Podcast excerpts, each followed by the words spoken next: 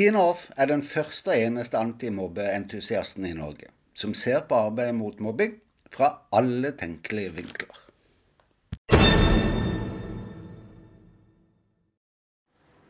Vet du, i dag er det episode nummer 30. Det betyr at jeg 29 ganger har snakka om og rundt arbeidet mot mobbing og mobbesaker. Noe om barna, men mest om og til voksne pekt på utfordringer det prates lite om, oppfordra til refleksjon gjennom å stille en haug med spørsmål, og foreslått løsninger. Altså enkle justeringer med stor betydning for både skole og hjem. Hvorfor gjør jeg dette, og hva gjør jeg egentlig? Det er det jeg har tenkt å fortelle litt om i dag. Velkommen til episode 30. Hei, mitt kallenavn er Tine Hoff. Min reise i antimobbearbeidet starta med elevene jeg fikk da jeg flytta tilbake til Sørlandet. Forberedt på at det ville bli tøft å skulle undervise to skoleår på ett. Men overhodet ikke forberedt på de faktiske elevene som dumpa ned på stolene sine i klasserommet med øyne som fortalte meg at de hadde alt annet enn god erfaring med lærerrollen liten eller ingen positiv selvfølelse og et helt fraværende pågangsmot. Men hold an, det var jo akkurat de tingene de nærmest var avhengig av for å makte et slikt dobbeltskoleår, som jeg kaller det. For å gjøre en lang historie kort, avdekka jeg år etter år et rystende antall elever i hver klasse med omfattende mobbeerfaringer. Det gjorde det helt nødvendig å ta tak i og det er her interessen for det å bygge skolemiljøer, altså å fange opp og skape endringer kjapt, vokste seg sterk. Jeg ble faktisk ganske god på det også, om jeg får lov til å si det. Men så, en dag i mars et år, skjedde det noe. Jeg husker det som det var i går. Det var en helt vanlig travel arbeidsdag. Jeg sitter og niskriver ved kontorpulten idet det piper på mobilen, samtidig som skoleklokka ringer inn etter langfri. Jeg reiser meg, ser på mobilen idet jeg plukker den med meg, og ser at det er en melding fra en kjær venninne. Litt undrende til tidspunktet hun sender meg melding på, for hun er jo på jobb. Det gjør at jeg tar med meg mobilen. Mens jeg går, åpner jeg meldinga og begynner å lese. Og så fryser jeg til is. Hennes fantastiske sønn har valgt å ta sitt liv. Og det er ingen tvil. Mobbingen han har opplevd på to ulike skoler, ble for mye, og ventingen for lang. Det ble her klinkende klart i det øyeblikket at det jeg skulle gjøre her i livet, var å få til en endring i arbeidet mot mobbing. Og det har resultert i mange ulike aktiviteter. I dag har jeg ett utgangspunkt og tre arbeidsområder. Utgangspunktet er at ingen av oss er høyere i hatten enn andre. Når vi utfordres, f.eks. når barn og unge opplever mobbing, viser behovet seg for å få støtte og hjelp like stor hos en forelder som en lærer eller rektor. Det er jo heller kanskje ikke så rart, for det er et arbeid prega av usikkerhet, som jeg har prata om før. Og ikke minst er det et arbeid med en risiko. Både for et barn om vi voksne tråkker feil, men også for hver av de voksne sjøl. Kanskje kan vi innrømme at vi har behov for å både bli sett, hørt og tatt på alvor, som Katrine Olsen Gillerdalen så treffende sier. Om enn fra ulike vinkler.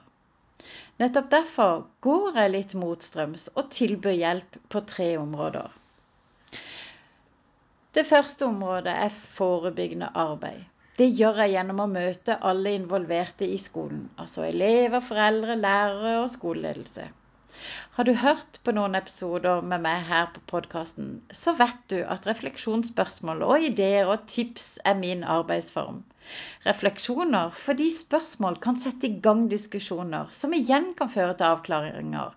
Fellesskapsforståelser, som igjen kan føre til endring. Vel, ikke helt av seg sjøl, for en trenger at informasjonen videreformidles. Ideer og tips, da? Fordi ingen andre enn de faktiske gruppene vet hva som kan fungere for de. Det som virkelig er spennende, er at dette forebyggende arbeidet ofte avdekker hvor lite justering som faktisk skal til for å møte hverandres behov. Noe som øker sjansene for, ut, for at utvikling kan skje, tenker jeg da. Andre området jeg jobber med, er det konkrete, nemlig som pedagogisk rådgiver i langvarige og kompliserte enkeltsaker. Det dreier seg ofte om samarbeid mellom voksne, som slettes ikke oppleves å være noe samarbeid lenger. Det kan handle om ulike oppfatninger av hvor feilen ligger, og hva løsningen er. Og det samtidig med at barnets situasjon ikke blir vesentlig bedre. I det store offentlige apparatet blir foreldre ofte både små og alene. Fanga i et maktesløst nett av telefoner som må tas, skriv som må leses og besvares, møter å delta på, og barnets psykiske helsekonsekvenser som rokker ved hele grunnen til familien å få støtte og hjelp i denne situasjonen, i møter og kommunikasjon mellom partene fra en som forstår begge sider, er det et stort behov for der ute. Jeg har gitt slik hjelp litt til og fra de siste syv årene, men ser at mine to armer og 24 timer i døgnet fort kommer til kort i forhold til behovet. Jeg har kanskje en løsning ermet på dette, men det får jeg også komme tilbake til en annen gang. Det tredje området jeg bruker mye tid på, er på utvikling. Det er der entusiasten kommer inn. Hele poenget med Antimobbeentusiasten er jo å bidra med de enkle metoder og løsninger som kan føre til økt kvalitet, bedre og direkte effekt for barna, som endelig kan føre til positive resultater i antimobbearbeidet. Derfor kommer jeg stadig med tips til forbedringer, som at skoleeiere burde lage en felles tiltaksbank for lærere at dokumentasjonen inkluderer foreldre- og helsestemmene. At foreldre ivaretas bedre gjennom justering av enkle kontorrutiner i skolen. At FAU også må med til hjelp og støtte i arbeidet mot mobbing, osv. Poenget er konkrete, enkle løsningsforslag som forenkler og bedrer arbeidet generelt, og mobbesaker spesielt som samarbeid, håndtering og hver enkelt selvfølelse i det usikre arbeid.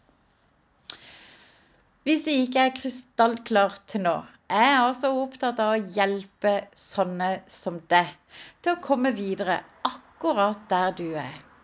Det viktigste er nemlig at du ikke føler deg alene, at du ikke får det til, at du står og stanger og ikke kommer videre. Ikke glem det er et sted mellom 50 og 60 000 barn og unge som sier ifra at de opplever mobbing hvert år. Mens 40% av de som faktisk opplever mobbing, ikke sier noen ting til oss voksne. Det betyr at det er minimum 100 000 foreldre som står i utfordrende hverdager. Og så kan en legge til, litt avhengig av alder da, opp mot åtte-ni-gangeren i antall lærere som er involvert. Det er mange voksne, det. Selv om ikke hver og en er like preget, kan det altså være mange som føler på den samme usikkerheten som deg akkurat nå. Så Så slår det meg. Jeg får mange henvendelser fra ulike offentlige sektorer. Men også fra foreldre på ting de lurer på, eller tips de trenger i en fastlåst situasjon. Du, hva om Nå tenker jeg altså bare høyt. Kanskje du lurer på noe? et spørsmål du ønsker å få et svar på? Hm. Hvis du ønsker det. Du, du kan jo sende meg en e-post.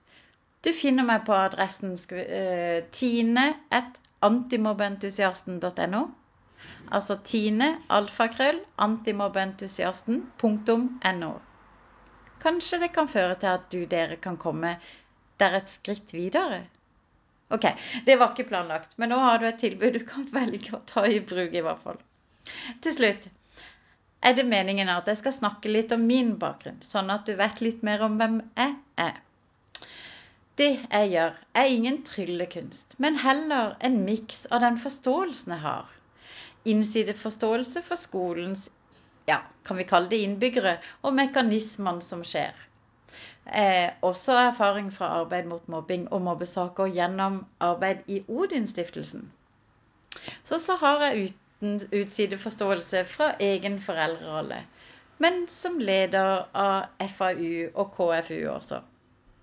Disse mikser jeg altså sammen til enkle metoder og småjusteringer som kan bidra til at arbeidet kommer videre, og at barnet faktisk opplever å få hjelp. Jeg er entusiastisk, ja. Det.